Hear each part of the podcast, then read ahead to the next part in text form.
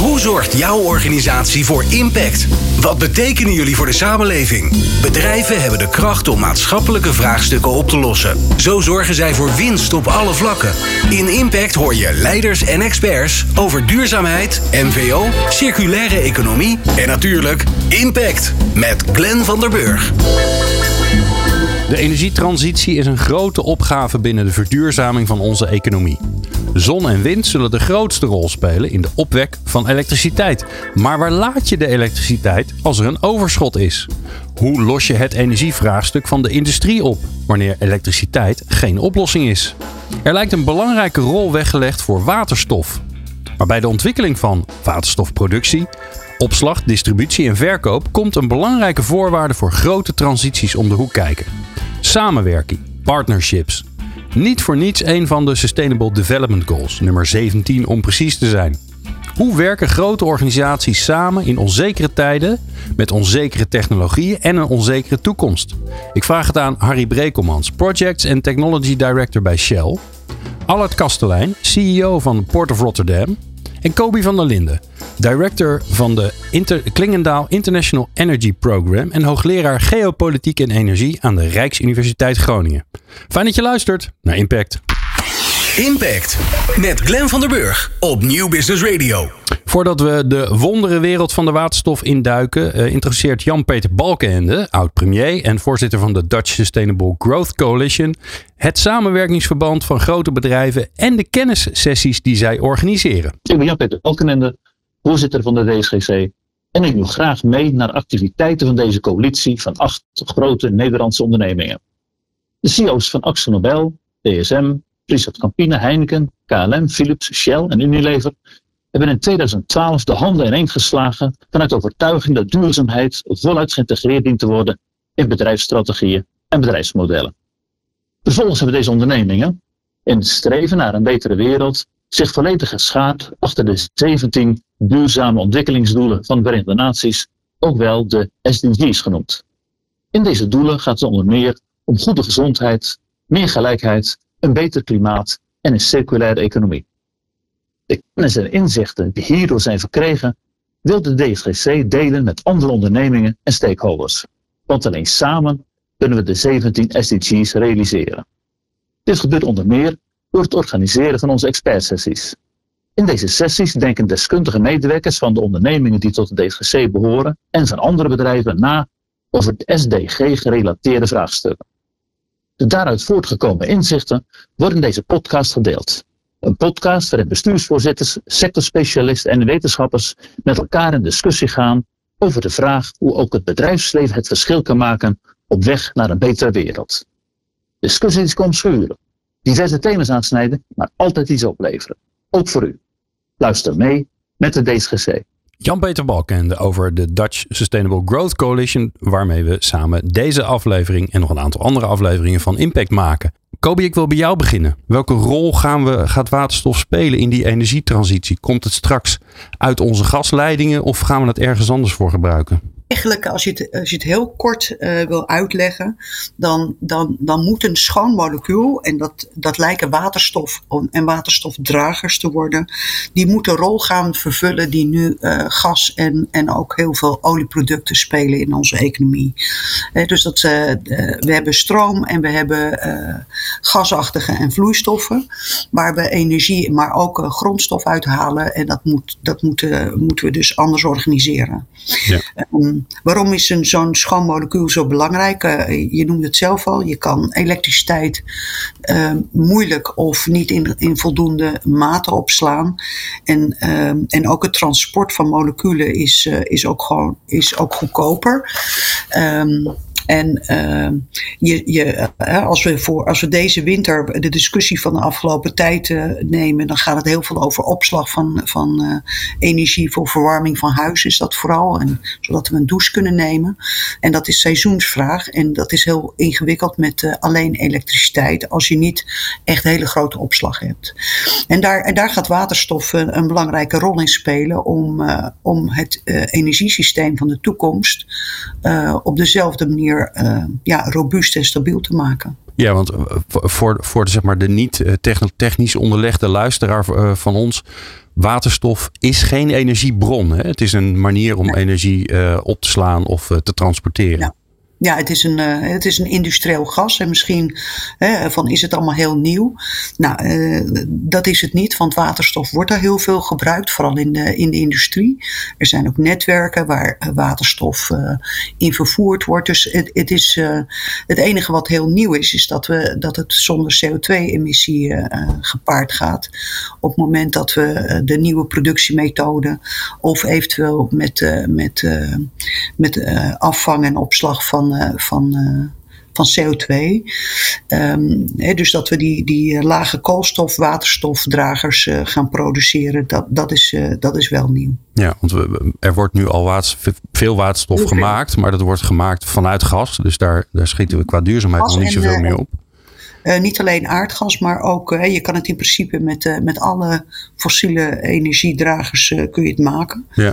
Of bronnen, maar um, um, we maken het vaak met aardgas in Nederland of met, met wat we noemen ja, restgassen uit de industrie. Ja, maar nu, nu hebben we natuurlijk al, al lang uh, windenergie, we hebben al lang zonne-energie. Waarom, waarom staan er nog niet allerlei waterstoffabrieken waterstof te produceren voor als het straks winter is? Want dan schijnt de zon minder en dan hebben we minder energie. Uh, ja, dat is, uh, dat is gemakkelijker gezegd dan gedaan. Uh, kijk, we, we hebben in het, uh, in het klimaatbeleid hebben we ons eerst gericht op de elektriciteitssector. Dus moest eerst moet er voldoende productie zijn van duurzame elektriciteit. En pas als je daar hele grote volumes van, van hebt, wordt het ook aantrekkelijk om met name ook die, die, die balancering tussen vraag en aanbod, om die te gaan managen. Nou, daar, daar waren we in de afgelopen decennia waren we daar nog niet. Uh, maar daar beginnen we nu wel uh, uh, te komen. En, en ook de realisatie, en ik denk dat daar de klimaattafels wel een hele belangrijke rol hebben gespeeld. Dat willen we naar die, die netto nul economie, dat we, dat we een aantal dingen moeten doen. En, en een van die dingen is dat we ook een, ja, een, zeg maar aan de molecule kant van de economie ook een hele grote opgave hebben. En daar is die waterstofdiscussie, denk ik, enorm door, door toegenomen genomen. Uh, maar ook dat we, dat we moeten opslaan, dat we het moeten kunnen vervoeren. En uh, vooral vanuit de industrie, dat die hele hoge temperaturen um, die nodig zijn voor sommige processen gewoon niet te behalen zijn met de, met de elektrificatie. Het is heel, veel, heel veel is nog technologieontwikkeling. En dat daar waterstof een heel goed alternatief is. Ja, want uh, Kobi, neem ons eens mee. Hè? Je noemt al even de industrie. Hè? Uh, laten we zeggen, uh, hoogovens kent natuurlijk iedereen in, in, in Noord-Holland. Waar, waar veel gas en kolen volgens mij nu gebruikt worden om hoge temperaturen te maken. Is dan waterstof daar een alternatief voor? Um, ja, je kan daar, hè, dat is met, uh, met, uh, met een bepaalde techniek kun je. Uh, ik ben, ben, nu de hele volledige titel ben, ik even kwijt, maar je kunt daar inderdaad met hoge temperaturen kun je dat voor staalproductie gebruiken. Maar het wordt bijvoorbeeld ook in, in de chemie, wordt het, daar is het soms een bijproduct van de productie. En wat we soms vergeten, hè, we hebben het altijd over zon, wind en, en waterstof, maar eigenlijk wat we meteen erbij moeten organiseren is dat, dat we onze circulaire koolstofstromen daar ook aan gaan verbinden. Want hè, we hebben wel koolstof nodig.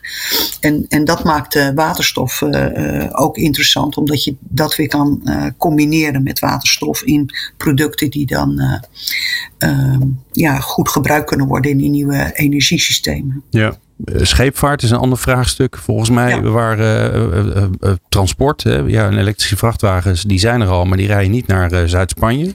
Dat redden we nog niet. Nee. Uh, nee, dus, uh, dus er, wordt, ja, er wordt heel veel onderzoek gedaan. Dus op zich, uh, waterstof is, is niet meer en niet minder. Hè. Je hebt, deels heb je, ik, ik vind nog steeds het, een van de mooiste ontwikkelingen um, is, is dat er begonnen is bijvoorbeeld toen, toen Tesla met zijn auto's op de, op de markt kwam. Dat er een ondernemer in Nederland daar een waterstoftank, zodat je meer kilometers bij hebt. En dat is voor een aantal sectoren is dat gewoon heel belangrijk. Dat je, zolang dat netwerk niet, niet niet uitgerold is. en dat is absoluut in, in Europa nog niet het geval voor om elektrisch op te laden. En bovendien zijn elektrische voertuigen ook veel zwaarder. Dus dat heeft ook te maken met belading, met je wegen. Hm. Daar, daar, zoek je toch liever naar, naar, naar andere oplossingen die, die, die minder, en minder verstrekkende gevolgen hebben voor je infrastructuur en, en dat soort dingen. Klinkt ook als een ontluikende, een, een snel ontluikende uh, economie met veel kansen. Welke rol kan Nederland in deze, deze waterstofeconomie spelen? Nou ja, kijk, eh, een van de dingen waar we op kunnen voortbouwen is dat in Noordwest-Europa, en dat is inclusief België en Duitsland, hier is ongeveer 60% van de waterstof die op dit moment al wordt geproduceerd en, uh, en gebruikt, dat is in, in onze omgeving. Dat heeft te maken met de soort industrie. Dus we hebben er ook heel veel ervaring mee. Um, en tegelijkertijd uh, zie je dat, en dat is nu natuurlijk onder druk van, van de energiecrisis waar we op dit moment in zitten, zie je dat uh, enerzijds kun je zeggen van daardoor gaat het wat sneller om bij, bij daar waar aardgas er niet is, om dan toch meteen, hè, sommigen zullen meteen die stap willen maken naar een waterstofdrager. Nou, dat kan, hè, dat kan ammonia zijn of het kan waterstofgas zijn, wat aan de kust al wordt omgezet naar waterstof en in een netwerk gaat. Daar zijn we natuurlijk nu druk mee bezig om eerst die industriële clusters te verbinden, zodat je daar uh, op de bestaande markt uh, kan inhaken met, uh, met je productie, zodat die ja onzekerheid van de vraag minder groot is dan als je dat niet zou doen. Ja, dan zie je dus eigenlijk zelf eerst, eerst de vervanging, zoals we bij elektriciteit hebben gezien, gaat er bij waterstof dus ook plaatsvinden. Eerst vervangen en dan pas komen de nieuwe toepassingen, misschien in nou ja, vrachtwagens, misschien nou ja, wel gewone auto's. Nou, je kan het anders stellen. Als je niet die grote volumes ontwikkelt zoals, zoals die nu voor de industrie, dan, dan zou het heel moeilijk zijn of heel kostbaar om zo'n waardeketen ook met geïmporteerde waterstofdragers op te bouwen voor de eerste drie 10, 100 uh, vrachtwagens. Als je dat doet voor een industriële markt waar al waterstof wordt gebruikt en waar je deels uh, kan gaan vervangen, dan is het ook veel goedkoper om uh, ja, op de bagagebedragen daarvan ook die transportsector gelijk mee te nemen. Of eventueel in de buurt bijvoorbeeld ook met, met, met huizen aan de slag te gaan. dus andersom werkt het niet, want je, die, het opbouwen van zo'n waardeketen is gewoon heel kostbaar. Het moet allemaal nieuw, nieuw worden aangelegd. Zowel de productie in het buitenland eventueel, maar ook productie in Nederland. Denk aan de grote windparken, de electrolyzer die daarachter moet komen. En dan je vervoer richting de vraag. Nou, als je dat allemaal wil oppakken, dan is het heel fijn als je wat zekerheid hebt over de grotere volumes. Ja. En daar kunnen dan gelijk ook al die andere toepassingen die veel kleiner zijn, minder volume aan waterstof vragen, die kun je op, uh, op de bagagedrager daarvan wel ontwikkelen. Andersom denk ik dat nooit zou lukken, gewoon omdat de kosten dan te hoog zijn per uh, vrachtwagen. Of, uh.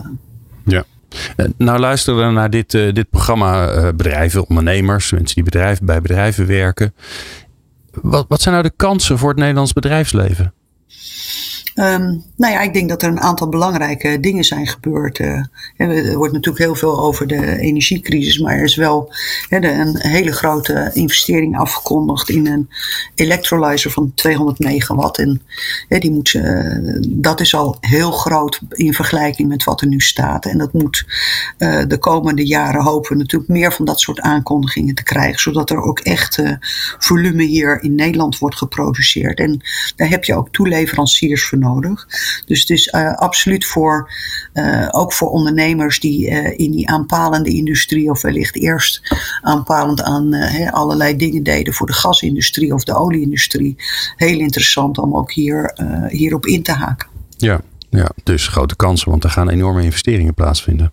Ja, absoluut. Toch? En daar weet Harry Brekelmans volgens mij alles van. Want die 200 megawatt electrolyzer, die, die is van Shell. Dat klopt. En daar gaan we zo verder over praten. Um, dankjewel, Kobi van der Linden. Ja, fantastisch uiteengezet. Uh, iets wat toch behoorlijk eh, complex in elkaar zit. Dus dankjewel voor, voor het inzicht. We praten zo verder met Harry Brekelmans van Shell en Albert Kastelein van Port of Rotterdam. En Kobi van der Linden over ja, hoe je dan dit soort ongelooflijke grote ontwikkelingen op een snelle manier voor elkaar kan krijgen. Ja, dat kan alleen maar door samenwerking. En dat hoor je zo. Duurzame oplossingen voor onze vraagstukken. Je hoort ze in Impact met Glenn van der Burg op Nieuw Business Radio.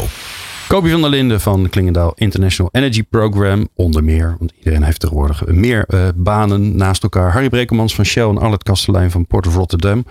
Ja, we hadden het net al eventjes erover. De grootste um, waterstoffabriek van Europa, de Holland Hydrogen One. Dat is al heel mooi, want er komt dus ook een tool blijkbaar. Die komt in Rotterdam en wordt gebouwd door Shell. De groene stroom die voor die electrolyzer komt van het windpark Hollandse Kust Noord.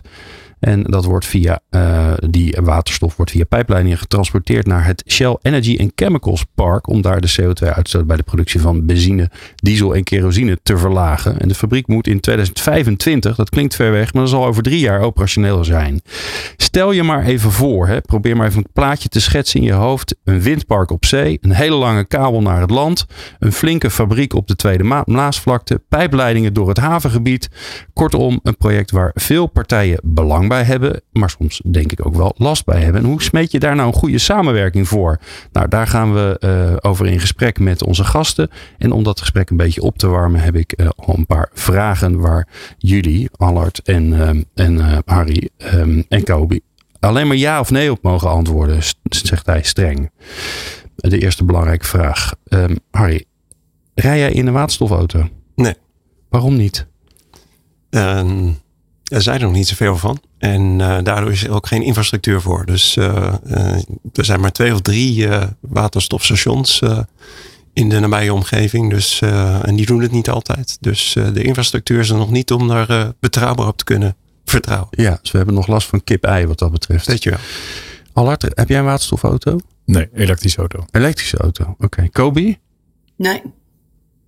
Ook geen waterstofauto. Wil je er wel een hebben uiteindelijk?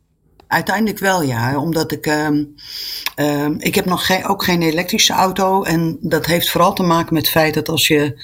Kijk, als je kleine stukjes rijdt, dan, uh, dan snap ik wel hoe gemakkelijk dat op te lossen is. Maar als je wat verder rijdt, dan. Je komt s'avonds terug, dan is dat. Uh, als vrouw zie ik nog niet zitten om 30 minuten bij zo'n station te staan. als ik zie hoe ze zijn uh, gemaakt, dan denk ik van nou, dat is een technologie die is niet voor ons. Nee, nee, nee. En dat is het, die opla Nou, er komen gelukkig bij Shell zijn de oplaadstations steeds meer op het tankstation en niet ergens ja. er ver naast. Dus dat is alweer goed, inderdaad, vrouwvriendelijk over nagedacht. Um, gaat waterstof de diesel vervangen, Harry? Nee. Allard? Deels. Kobi? Geen idee. Kijk, dat is het antwoord van een wetenschapper. Um, Harry, ja? Waarom? Nee, ik zei nee. Oh nee, sorry. Ja, waarom niet? Nou, ja, ja, uiteindelijk als je naar de toekomst kijkt, dan zie je heel veel verschillende energiedragers die, uh, die bijvoorbeeld in mobiliteit of in generatoren een rol gaan spelen. Dus, dus het is niet van het een naar het ander. Ja, en dat waren we toch, we, we met z'n allen van, van naar nul, uh, nul CO2-uitstoot moeten. Dus dan moeten we dat op een andere manier Al die oplossingen dus. hebben. Ja. Ja, ja. Naar netto nul, hè? dat is wat anders. Ah, kijk. Ja. Kijk, oké, okay, Kobe. Dus de, we, we, ergens anders moeten we dus uh, CO2 positief dan gaan zijn. Allard deels vervangen? Ja, wat Hardy net ook bevestigt. Uh, in die energietransitie gaan we naar meerdere oplossingen. En de technologie moet zich allemaal nog bewijzen, moet uh, de toepassingen nog vinden.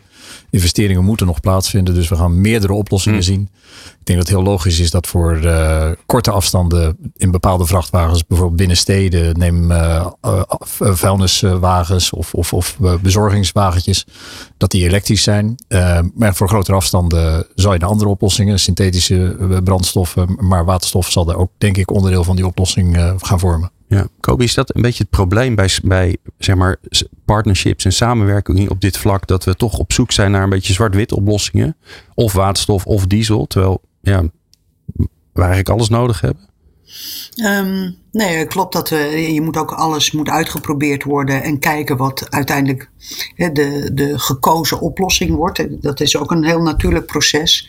En um, waarom we het allemaal nu al willen weten, is dat we um, in, in de discussie is het gewoon vaak heel zwart-wit. En zie je juist dat heel veel oplossingsrichtingen gewoon worden, ja, gelijk politiek worden afge kapt voordat je eigenlijk ja. kan uitproberen hoe, het, uh, hoe dat eventueel ook een rol kan vervullen. Ja, zoals de biomassa discussie die ineens uh, voorbij was. Zijn er meer, hè? Ja.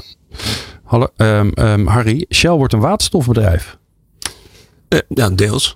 ja, ja. We, we, zetten in op allerlei oplossingen natuurlijk. Uh, je gaf het zelf al aan. Uh, elektrisch laden op onze stations, waterstof, biobrandstoffen. Ja. En, en ook natuurlijk vandaag de dag nog um, door het leveren van benzine en diesel aan de mensen die dat graag willen. Dus. Ja. ja. Past waterstof ook gewoon goed bij jullie, omdat dat dicht zit bij de kennis die jullie al hebben? Zeker, ja, ja, ja absoluut. En, en zoals jullie al eerder bespraken, ook vanwege het eigen gebruik. Hè? Dus we maken nu heel veel gebruik van waterstof dat opgewekt wordt door uh, uh, aardgas om te vormen. Uh, dus als je dat wil verduurzamen, dan kan je op deze route kan je dus daar zelf ook gebruik van maken. Maar daarnaast wat je al zegt, om het ook aan onze klanten te leveren in mobiliteit, transport, aantal andere toepassingen. Ja, het voordeel, het voordeel zit omdat jullie het al gebruiken dat je gelijk snelheid kunt maken, dat je gelijk vraag hebt. En dat je een van die ketens in die ongelooflijk lange keten in ieder geval opgelost hebt al. Ja. Alright. Um, Allard, Rotterdam wordt een waterstofhaven. Um, jazeker. Uh, Rotterdam is een hele grote energiehaven voor Noordwest-Europa. 13% van alle Europese energie komt binnen uh, in Rotterdam. En dat uh, Rotterdam is uitstekend ver, verknoopt, zeg maar, verbonden met andere grote industriële gebieden. Moerdijk, maar ook Gemmelot in Limburg en Noord-Rijn-Westfalen. Um, en uh, al die industrieën zullen die verduurzaming nu moeten omarmen. En in business blijven. Die willen nieuwe verdienmodellen creëren. Die willen gewoon kunnen blijven concurreren. Dat proberen we in Rotterdam te verzorgen. Ja. Dus waterstof dat gemaakt wordt in Rotterdam. Wat eh, Shell heeft aangekondigd. Fantastische ontwikkeling. En uh, wat nog meer gemaakt gaat worden en ook geïmporteerd zal moeten worden. Dat willen we graag in Rotterdam faciliteren. En op die manier heel efficiënt naar bedrijven te kunnen brengen, zodat die hun eigen uh, uh, zeg maar CO2-emissies kunnen reduceren. Ja, nou, nou heb ik ooit begrepen dat um, zeg, de, de, de prijs, dus de kosten die je, die je hebt om als zeevrachtschip bij te tanken, dat die ook belangrijk is in de keuze naar welke haven je eigenlijk gaat. Zit daar nog een, een, een belang voor jullie in om te zorgen dat je genoeg productie hebt, zodat je ook die waterstofprijs, of datgene wat ervan gemaakt wordt om die zeeschepen in de toekomst te laten varen. Ben je daar al mee bezig? Ja, ook daar zijn we mee bezig. Uh, een van die initiatieven die we bijvoorbeeld ontwikkeld hebben, ook weer samen met Shell, want ja, eh, de, de inleiding was uh, samenwerking, is om tussen Singapore en Rotterdam een groene corridor te creëren, waar je zowel in Singapore als in Rotterdam groene uh, marine uh, brandstoffen zou kunnen willen uh, laden, tot je nemen. En dat willen we dan in Singapore en Rotterdam bewerkstelligen. Zodat we niet alleen de industrie kunnen verduurzamen, maar ook de manier waarop het bij die industrie gaat komen kunnen verduurzamen. En daar zit weer de samenwerking met de haven in Singapore om het leven nog wat complexer te maken. Ja. Um, samenwerken is hard werken, Harry.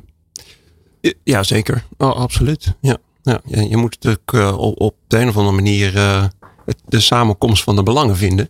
Uh, en zeker in uh, een complexe en grote wereld als energie is dat uh, is niet eenvoudig. Wordt, daar te makkelijk, wordt er te makkelijk over gedacht? Wordt er te makkelijk overheen gestapt? Ja, natuurlijk, we gaan samenwerken. nou ja, ik denk dat wij genoeg ervaring hebben om, als we dat zeggen, ook ons te realiseren dat dat, dat niet eenvoudig is. maar ik denk in de wandelgang is het, samenwerken is, is denk ik het synoniem voor, nou dat zal er wel vanzelf gaan. En, uh, en dat is natuurlijk waar je vaak vindt dat het, uh, dat het niet zo eenvoudig is. Waar tijd kost. Uh, waar ook wel eens conflicten optreden. Maar, maar goed, die, daar zul je doorheen moeten werken. Ja. Het gaat natuurlijk uiteindelijk om dat je, dat je gemeenschappelijke belang in de verte ziet. Ja. Kobe, ik, ik versimpel het even heel, heel erg hoor. Maar dat is ook omdat ik het dan tenminste begrijp. Zou je kunnen zeggen dat alle technologische kennis, oplossingen, dat die er op zich wel zijn maar dat het hele duurzaamheids, het energievraagstuk, dat het eigenlijk een samenwerkingsvraagstuk is? Hmm, ik, ik, denk uh, deels. Ik bedoel, het zou, het zou heel raar zijn als er geen innovatie meer, uh, meer komt. Ik denk juist dat, die, uh, dat er nog heel veel aankomt. Hè. Dat, een aantal belangrijke dingen die uh, zijn er nu wel, maar bijvoorbeeld het opschalen naar veel grotere electrolyzers. Uh, nou, daar zit ook een leercurve in. En, um, kijk, die coördinatie van nu, die heb je nodig omdat het, uh, omdat het gewoon hele nieuwe waardeketens zijn. Die moeten worden opgetuigd en alles in de goede volgorde moet worden gedaan. Om te zorgen dat het ook uiteindelijk de waarde in de markt kan realiseren. Als je, als je dan niet coördineert, maar zou concurreren, dan, dan komt dat uh, ja, veel moeilijker of, of misschien uh, ja. uh, niet goed tot stand of te klein. En, en we hebben haast, hè? We hebben toch ja, gewoon haast met z'n allen?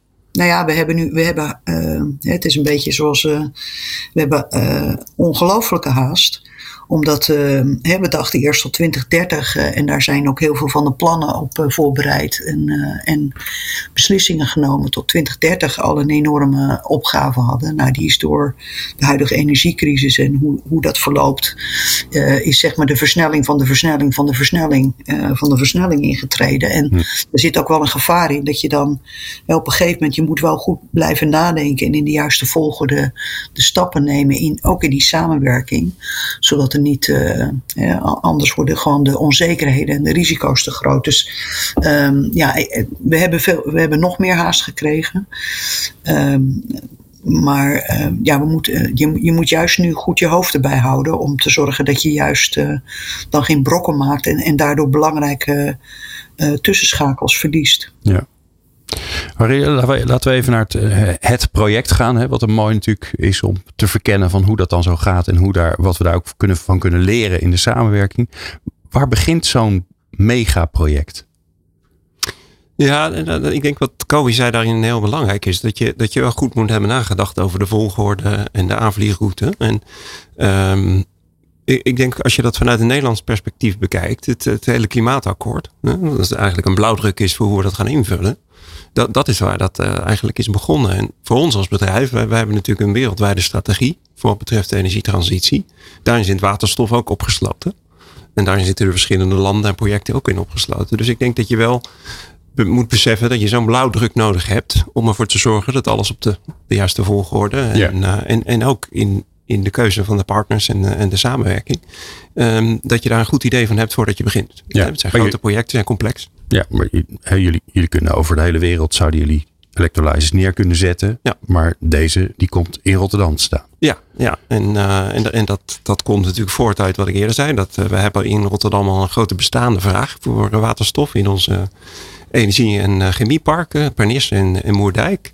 Dus die we vervangen, verduurzamen door het gebruik van groene waterstof. Maar dan zien we natuurlijk ook als als uh, leverancier van uh, brandstof voor de mobiliteit in Nederland zien we ook daarna nog gelegenheid om wat er dan overschiet aan, uh, aan waterstof of op den duur te leveren aan, aan zwaar transport. Ja. Dan, dan, zie je dus die mogelijkheden. En dan komt vanuit die grote blauwdruk komt er een kleine blauwdruk, waar je zegt van kijk, dan kunnen we ook een markt creëren.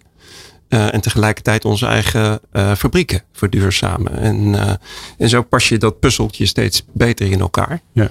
En, en dat leidt uiteindelijk tot een concreet plan. En, zo is het ook gegaan met Holland Hydrogen. En wat is het moment dat je, dat je van, van een intern gesprek binnen Shell gaat van oké, uh, we gaan nu met partners in gesprek. Wanneer kies je daarvoor? Dat is best wel spannend, want ja, het feit dat jullie zo, zo'n fabriek neer gaan zetten, zeker in de, in de early stages, is natuurlijk ook gewoon concurrentiegevoelig.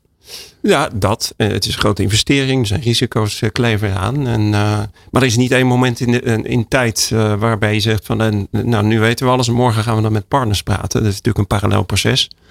Okay. Um, dus daar begin je eigenlijk redelijk vroeg al mee. Daar begin je redelijk vroeg al mee. En, en, en, en die gelegenheid heb je natuurlijk ook. Want om maar weer het voorbeeld van het havenbedrijf te nemen. Met de Pernis raffinaderij, wat dan nu wordt getransformeerd tot energie- en chemicals park. Daar zitten we natuurlijk al, uh, al, al vele tientallen jaren in het Rotterdamse havengebied. Dus hebben we een doorlopende dialoog met het havengebied. Voor wat betreft de, de mogelijkheden en de uitdagingen. Ja. Dus dat, ja, dat is een ja, proces wat natuurlijk ook evolueert over de tijd. Uh, maar dan kom je op een punt waarop je concrete beslissingen moet gaan nemen. En dan, en ja. dan ga je naar een andere, andere cadans. Een ander soort gesprek, gesprek wat je moet hebben. Ja. Andersom, Allard, kan ik me ook voorstellen dat je vanuit, vanuit Port of Rotterdam daar heb je ook een strategie. Daar denk je ook na over de toekomst. Dan weet je ook dat je naar CO2-neutraal moet uh, op termijn. Dan weet je ook dat je met, aan de slag moet met, uh, met waterstof. Waar komen die twee dan ineens bij elkaar?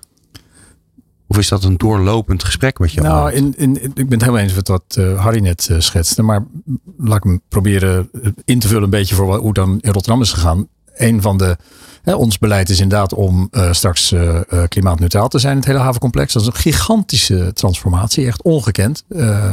En, en, dat onderschatten we vaak. Maar waar het in dit geval op begint, is dat wij met Tennet in gesprek zijn gegaan om te zorgen dat die groene elektronen die op de Noordzee gemaakt worden, ook kunnen aanlanden in Rotterdam. Want anders staat, kan je daar ook geen waterstoffabriek bouwen. Dus we hebben, we hebben helemaal aan de voorkant gedetailleerde gesprekken gevoerd. En infrastructuur gebouwd samen met Tenet om die groene elektronen te laten landen. vervolgens gaan we met. Ja, wacht, ik, ik, even pauze, want dan snapt iedereen hoe ingewikkeld het is. Waar houdt Tenet dan op en beginnen jullie? Want nou, het havengebied je bent is van partner. jullie. Je bent continu partner. Tenet heeft heel veel vierkante meters nodig, om zo maar te zeggen, om die, groene- om die groene elektronen aan land te brengen. Ja. Er is in Nederland best een beetje ruimtegebrek. Eh, en ook in het havencomplex is er ruimtegebrek. Dus dat is puzzelen, zoeken, kijken, nut, noodzaak, timing, eh, vraag, aanbod. Het hele verhaal komt dan langs. Dan is het fantastisch dat je een partij hebt als Shell die zegt: ja, maar als die groene elektronen landen, dan willen, zijn wij bereid om te onderzoeken of je een waterstoffabriek kunt bouwen. Dan is de volgende dialoog die we met Shell hebben. Waar dan? Ook weer in dat havencomplex. En zijn er synergieën? Ehm, de gesprek dat daarna volgt is als die waterstof dan gemaakt is in Rotterdam, hoe krijg je dat dan weer bij het Energy Park? Eh, want dan- ook daar geldt weer voor dat het vol zit en dan moet er weer een buisleiding door die haven komen. Ja, want even, even schets het even voor ons die niet het havengebied helemaal eh, eh, precies uit hun hoofd weten. Hoeveel afstand zit er tussen eh, Maas, Maasvlakte 2 en, eh, en, het, en het Energy Park? Zien jullie kijken? Nou, ongeveer. Hè? Een paar kilometer. Ja, een paar. Ja, ja, oké. best, best wel een paar. Ja, en dat is niet een paar kilometer wasteland, toch? Daar staat Nee, van alles. Er, er ligt van alles. Er ligt, allemaal, het ligt vol met buisleidingen. Er staan allemaal fabrieken. Er varen schepen. Dus, dus dat is best ook weer een dingetje. Eh, en het volgende, en wat er natuurlijk ook weer bij hoort, is dat. dat eh, en, en daarom zijn partijen die de grote transitie willen vormgeven zo ontzettend belangrijk. Dat je dan niet alleen kijkt naar wat er nodig is voor die ene fabriek, voor die ene gebruiker, maar dat je ook het grotere speelveld gelijk begrijpt. Want uiteindelijk willen wij vanuit Rotterdam dus ook Moerdijk kunnen bevoorraden. Dat wil Shell ook. Uiteindelijk willen wij vanuit Rotterdam ook Gemmelot, kun- Gemmelot kunnen bevoorraden. Heeft Shell niet een direct belang, maar misschien wel eh, eh, geassocieerde belangen. Van, van dan kan ik andere producten leveren of dan kunnen we andere partnerschappen aangaan. En zo willen we weer door naar Noord- en Westfalen. Dus je praat over een grote infrastructuur waarbij je het grote eindspel eigenlijk in de gaten moet houden. Want anders zou je bij wijze van spreken nu een klein rietje door die, door die haven leggen. Maar vijf rietjes nemen meer ruimte in beslag dan één grote buis, om het zo maar te zeggen. En je moet Eh, vijf keer de grond en je moet vijf keer de grond openmaken, dus veel duurder. Dus hoe, hoe breng je belangen van de korte termijn met de lange termijn bij elkaar eh, op hetzelfde moment voor de juiste besluitvorming? Dat is best een beetje ingewikkeld. Nou, en hoe ingewikkeld dat is, dat hoor je zo.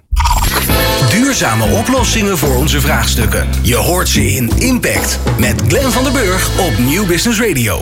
Ja, we praten over, ehm, over samenwerking. En vooral samenwerking binnen, binnen een wereld die redelijk complex is. Nou, dat is net even geschetst door eh, Harry Brekelmans van Shell en Albert Kastelein van Port of Rotterdam. En we hebben Kobi van der Linden eh, om ons eh, scherp te houden vanuit de wetenschappelijke hoek. Vanuit het Klingendaal Int- International Energy Program. Ehm, ik kan me voorstellen dat je, dat je nadenkt over wie een soort van kernteam is als je, als je hierover, over, hiermee aan de slag gaat. Hoe, bepaal je wie, er, wie je nodig hebt in die eerste fase, Harry? Eh, nou ja, dat- voor deel ligt dat natuurlijk besloten in, eh, in de omgeving. Hè. Dus je moet kijken naar je infrastructuur. eh al het zei je al, al eerder. Land is heel belangrijk in een land als Nederland. Dus, dus daar hou je mee bezig. Maar je kijkt ook naar de andere kant van, van de waardeketen. Dan kijk je naar eh, eventueel klanten. Eh, en natuurlijk ook eh, onderaannemers. Uiteindelijk moet het ding ook gebouwd worden. Dus eh, wat, wat wij al vrij vroeg doen is, is we kijken van links naar rechts naar alle mogelijke partners. Nou, met sommigen treed je eerder in gesprek dan anderen, maar uiteindelijk moet je over alle nadenken. Eh, want als je het land hebt en je hebt de infrastructuur vastgelegd, eh, maar, maar je kunt je, je grondstoffen en je materialen niet krijgen, dan, dan gaat het ook niet lukken. Dus, eh, dus, dus, dus je moet eh, over de breedte moet je denk ik goed inzicht hebben in wie de belangrijke partners zijn. Ja, en moesten jullie nou nog dingen anders doen voor de snelheid die erin zit en het belang wat er aan, eh, aan gehecht wordt door iedereen eigenlijk? Ja, ik denk dat het voorbeeld van Holland Hydrogen One er één is waar, eh, en, ik zit hier niet om, eh, om, om Shell te promoten, maar waar Shell een, een grotere rol heeft gepakt dan alleen het eigen belang. Eh, of het nou is in de, in de waterstofleiding of het, eh, ko- het aansluiten op het elektriciteitsnet. Eh, dus dus, dus je, je hebt daar heel veel aan om die grote stappen te maken. En dat is denk ik wat we moeten beseffen. Er is zo even al gezegd, samenwerken is een mooi woord, maar het wordt ook een beetje een containerbegrip. Je hebt Mm. eigenlijk partijen nodig die hetzelfde belang onderschrijven en een visie hebben op die toekomst en daar ook echt invulling aan willen geven. Ik praat vaak over ik heb liever de coalition of the willing in, in goed Nederlands dan de mother of all coalitions. Weet je, ik hoef niet iedereen in de Kamer te hebben, want dan kom ik kom je nergens in Nee. mijn perspectief. Ik kom, werk veel liever samen met grote partijen die het grote verschil willen maken om daar dan grote stappen te zetten. Ja, je noemt het al even, Allard, hè, hetzelfde belang hebben. Hoe kom je daarachter? Hoe bepaal je dat met elkaar? Want eh, je belang gewoon maar open delen zorgt er ook voor dat je, ja, dat je misschien een beetje te eerlijk bent en te veel je kaarten laat zien. Ja, nou ja, zelfsprekend. Maar, maar uiteindelijk, je, je moet ook eh, denk ik be- beginnen met, eh, met wat ik eerder zei. Waar, waar, waar is dan jouw stip op de horizon? En, en dat is voor ons allemaal de energietransitie. En alle Oké, en dat helpt dus. Dat helpt. Nou, al het noemde ze zelf ook al eh, het havengebied net nul. Ehm, wij willen ook net nul worden in 2050. Dus dan, dan heb je al eh, heb je dat eerste punt al bepaald waar je naartoe wil. En je weet natuurlijk iets meer van elkaar. Gegeven dat we daar eh, zo'n belangrijk eh, en al langdurige aanwezigheid hebben. Ehm, en, en daar vandaan kun je dus eh, gaan invullen naar het detail toe. En, en, dat, en dat is wat, wat er in, in zo'n zo'n proces gebeurt. Ja. Ehm, maar, maar, maar nog even terug naar wat Al het eerder al zei. Wat, wat, eh, wat misschien ook goed is om daaraan toe te voegen. Is dat, kijk, je, je breidt op een gegeven moment vanuit die samenwerking ook uit naar eh, punten toe die je eerder nog niet gezien had. Hè? Dus de- het feit dat, eh dat Allard in gesprek was met Tennet wat betreft het landen van de groene elektronen. Eh, Hollandse kust Noord, zoals je zelf al zei, waar de groene elektronen voor ons dan vandaan komen. Eh, dat was ook een, eh, een bieding waar de overheid van verwachtte dat er iets zou worden gedaan met waterstof. En, en, en, en wij spelen natuurlijk op allebei de, de borden. Ja. Eh, en dan zagen wij weer een mogelijkheid in om, om ook die ankerklant, zo je wilt, of de ankerpartij te worden, die zowel de groene elektronen als de waterstofinvestering kunnen doen. Ehm, en dat helpt ook in, in het nemen van die beslissing. Want op zich staan zo'n waterstoffabriek, als je niet weet waar de elektronen vandaan komen, wordt alweer een veel moeilijkere beslissing. Hè?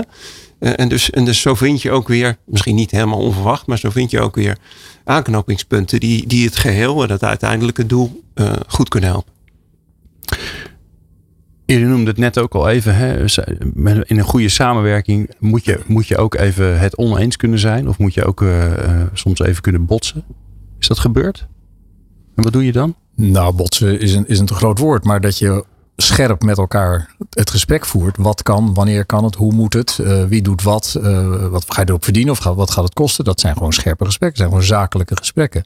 Nee, want tot nu toe klinkt het allemaal heel vriendelijk. Alleen ja, uiteindelijk Port of Rotterdam, volgens mij, ik weet niet of jullie de grond verkopen of verhuren, want daar heb ik geen verstand van, maar die grond die kost wat. Eh, Shell die wil natuurlijk, natuurlijk, natuurlijk willen ze daar met liefde voor betalen, maar niet te veel. Dus er zijn ook gewoon domweg commerciële belangen. Ja, maar het feit dat Shell het besluit heeft genomen, daar mag je uit afleiden dat we het met elkaar eens zijn. Nee, dat snap ik. Anders hadden jullie hier niet gestaan. Zover was ik ook. Ja, maar dat, dat, ik kan me voorstellen, dat loopt door elkaar heen, toch? Het ene moment heb je het over, over wat we gaan doen en groot en meeslepend. En eh, nou, hè, eh, iets belangrijks doen voor de maatschappij. Hartstikke goed. En het andere moment kijk je elkaar in de ogen en dan zeg je, ja, nee, maar dit, hier gaan we het niet voor doen. Dit is te weinig. Ja, dat, maar kijk, wat we proberen te doen is een heel complex eh, proces ook nog een beetje simpel te maken. Eh, maar dat is, het is ook hartstikke ingewikkeld. Het is echt oprecht hartstikke ingewikkeld.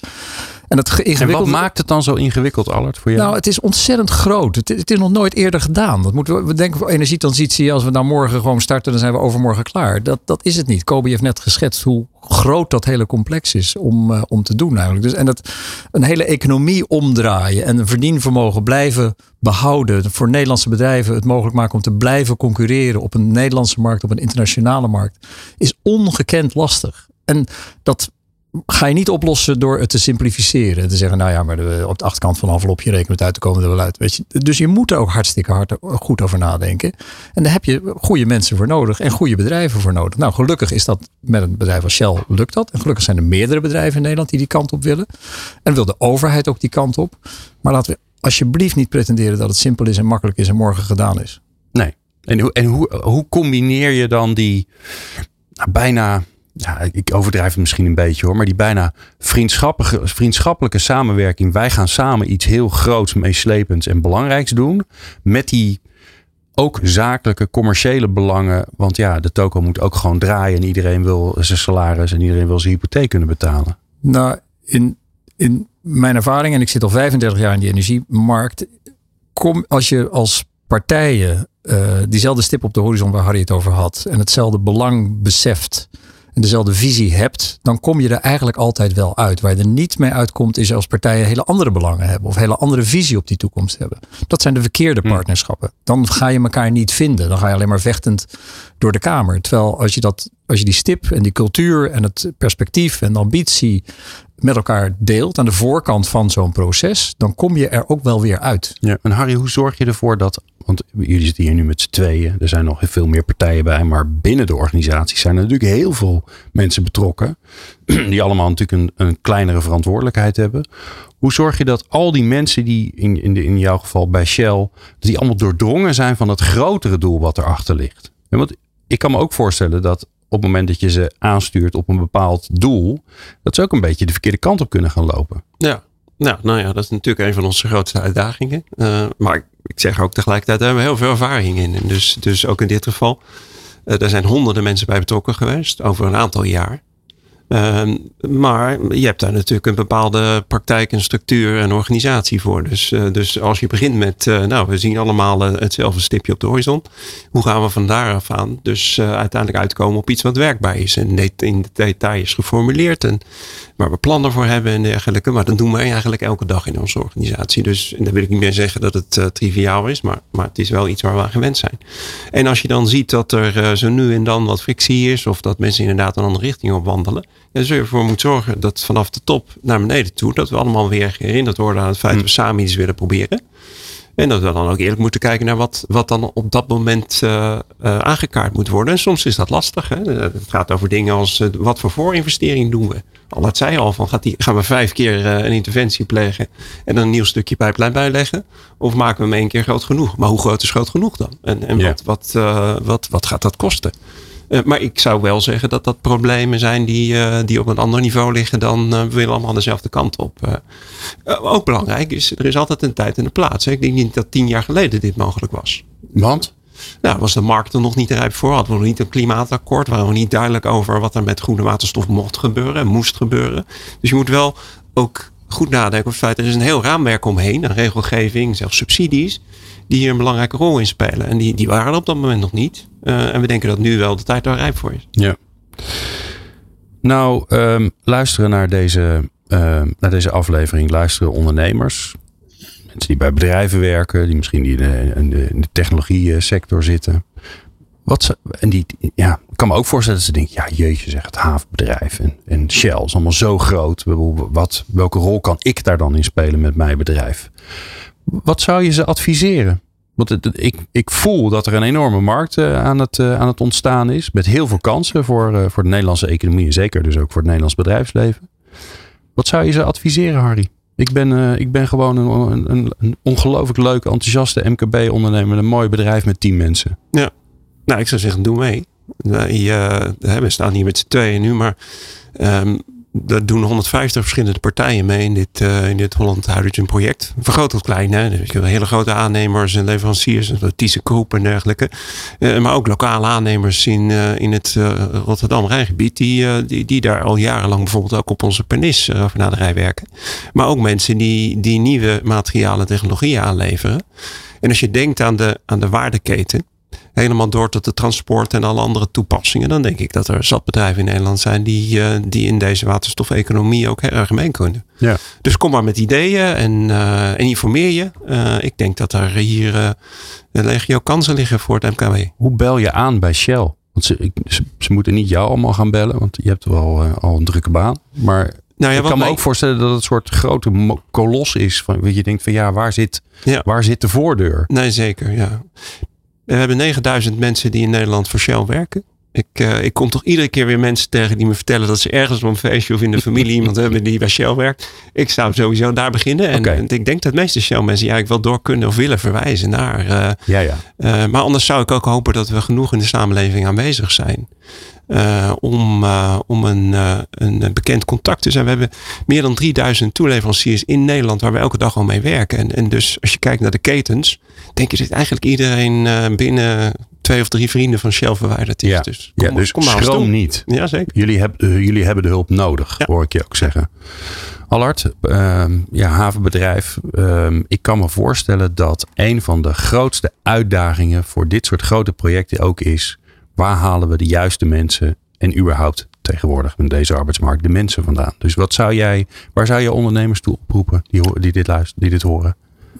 Je hebt gelijk, hè? Er is, er is uh, in toenemende mate uh, wordt het lastiger en lastiger om goede mensen te vinden die mee kunnen werken aan de grote uitdagingen waarvoor gesteld staan. Dus ik zou het heel fijn vinden als de luisteraars, maar ook degene die luisteren en, aan een, directe omgeving zouden willen doorgeven, dat er fantastische innovatie plaatsvindt. Heel veel nieuwe dingen vinden plaats. Hè. De haven en ook een, ook een Shell wordt vaak geassocieerd met oude die economie. Dat is het niet meer. Het is een enorm vernieuwende omgeving met heel veel innovatie, met heel veel denkkracht, met heel veel energie en heel veel mooie uh, technieken en oplossingen. Dus ik zou mensen willen enthousiasmeren, uh, dat als eerste, en elkaar aan te steken met enthousiasme bij wijze van spreken, om in, dat, in die omgeving te willen werken. En dan kan het van, van, van iemand die data-analyse verricht tot iemand die een, een put wil graven of een, een, een tuin of een weg wil aanleggen of een fabriek wil bouwen of de broodjes wil aanleveren. Weet je, het hele palet komt langs en dat geldt dus voor het hele MKB. Um, dus als je daar echt uh, uh, op zoek bent naar nieuwe mogelijkheden, dan zijn ze veel en, en, en heel mooi beschikbaar. Mooi. Kobi, ik eindig bij jou, als je het goed vindt. Um, ik kan me ook voorstellen dat onze luisteraars denken: jeetje, wat een wereld, ik weet er eigenlijk nog te weinig van. Wat zou je ze adviseren? Hoe kunnen ze meer, beter snappen wat eigenlijk die waterstofeconomie in gaat houden? Um, nou, ik, ik, denk dat, uh, dat werd niet, niet genoemd, maar bijvoorbeeld uh, organisaties als, als Delta Links en, en allerlei publicaties, die nemen toch iedereen heel erg bij de hand. Er zijn ook in het Rotterdamse contacten gelegd met, de met de lokale scholen, opleidingen. Dus dat gaat echt veel meer leven. Wat dat betreft is, is ook de stad behoorlijk aangehaakt in, in al die plannen. Dat helpt denk ik heel, heel lokaal. En verder, ja, er wordt wel steeds meer over gepubliceerd. Hè. Dus uh, de ene studie is misschien wat, uh, wat ingewikkelder. Ja. Uh, maar ik ben het wel mee eens dat we. het lijkt net. We, we, zijn uit die klimaattafels gekomen. En toen is er ontzettend hard doorgewerkt. Echt door een heleboel verschillende mensen. Op allerlei stukjes die nodig waren om om inderdaad uh, die visie ook wat meer handen en voeten te geven. En uh, ja, als je, je kan eigenlijk via, via een hoop van de studies, maar dat kan ook via de websites van, uh, van het havenbedrijf, van Shell zelf, van Delta Links, van Smartport, kun je, kun je vinden. En, en dan kun je vaak uh, gemakkelijk ook weer doorklikken naar, naar dingen die misschien wat dichter bij, bij een onderneming liggen waar, waar men bezig is. Of gewoon ook een van die organisaties bellen, want ook die zitten maar uh, één of twee mensen verwijderd van een contact om je verder te helpen. En ja, wat dat betreft uh, denk ik dat er, uh, ondanks dat we uh, tijdens corona is er juist misschien nog wel harder doorgewerkt dan, dan, dan we misschien anders voor elkaar hadden gekregen. Juist om, om al het voorwerk te doen. Zodat er nu ook echt uh, spaden in de grond gaan en stappen worden genomen die steeds, steeds concreter worden. Mooi. Dus uh, wat dat betreft denk ik gewoon uh, veel, uh, ja, veel, er is heel veel te vinden. Maar mensen zijn ook heel erg bereid om erover te spreken. Dus ik zou zeggen, schroom niet. En, en zorg ook dat die, die organisaties waar al die ondernemingen in georganiseerd zijn, die, die vertellen ook heel graag hoe zij alles proberen bij elkaar te brengen. Mooi. Nou, het is dus tijd voor de ondernemer om te gaan ondernemen, hoor ik jullie eigenlijk zeggen. Hartstikke goed. Uh, dank jullie wel uh, voor jullie mooie bijdrage aan deze aflevering. Kobi van der Linden van het Klingendaal International Energy Program. Harry Brekelmans van Shell. En Allet Kastelein van Port of Rotterdam. Jij natuurlijk bedankt voor het luisteren naar deze eerste aflevering die we samen maken met de Dutch Sustainable Growth Coalition. Meer volgen. Meer afleveringen van Impact vind je op impact.radio.